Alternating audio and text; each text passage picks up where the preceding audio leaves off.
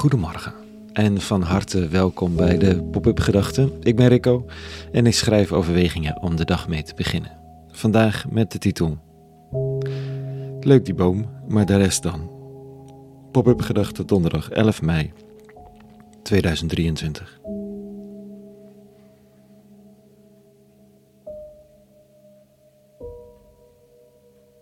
Gisteren een heel verhaal over de kastanjeboom voor het huis.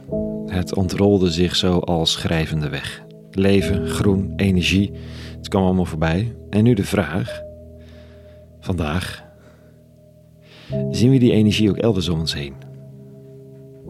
De natuur daarin herken je patronen van aandacht, van symmetrie en hang naar evenwicht.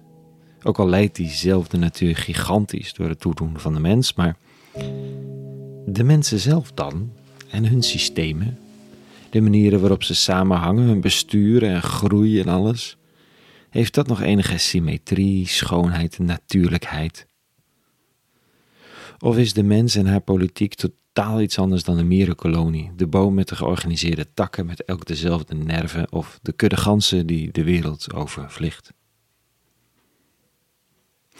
De mens lijkt zich wat losgezongen te hebben van de natuur der dingen alsof, alsof we erop toezien en ermee werken, maar er geen onderdeel van zijn. We runnen dierentuinen. Alles uit de wereld bij elkaar brengen en dan niet bedenken dat eigenlijk één zoogdier de rest van de dierenwereld aan de collega-zoogdieren tentoonstelt. Gek eigenlijk.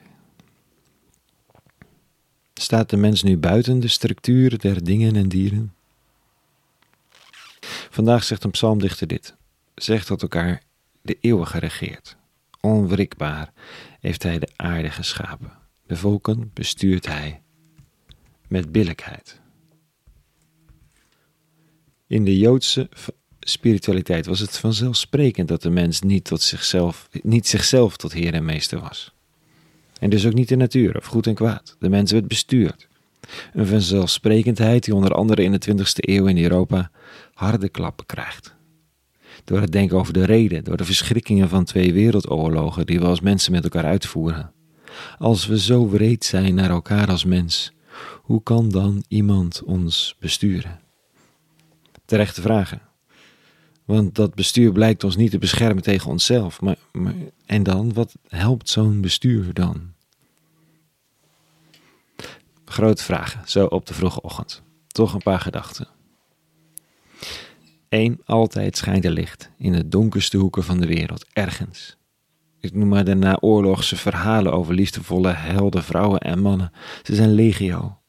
Zo ook als je nu aan de grenzen van Europa spreekt, met de enorme hoeveelheid mensen die zich inzet voor hen die op de vlucht zijn. En de indrukwekkende verhalen van vele vluchtenden zelf.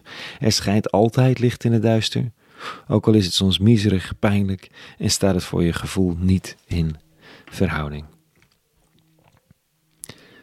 Een tweede aspect van het bedenken van een bestuur, van iets goddelijks, is de menselijkheid die je tot stand kan brengen.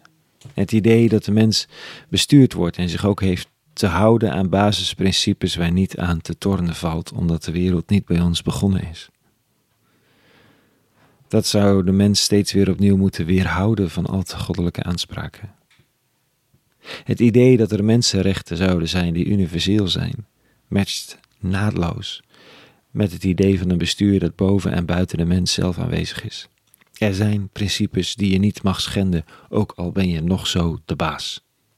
Er is namelijk altijd een baas boven baas. Of dat het zo werkt, zeker niet. Juist met het idee van een goddelijk bestuur in de hand hebben velen zich in de geschiedenis zelf een goddelijk, goddelijke status aangematigd. Je kunt met de beste principes nog de beroerdste dingen uithalen. Toch zullen er altijd mensen zich beroepen op en laten inspireren door de gedachte dat jij God niet bent.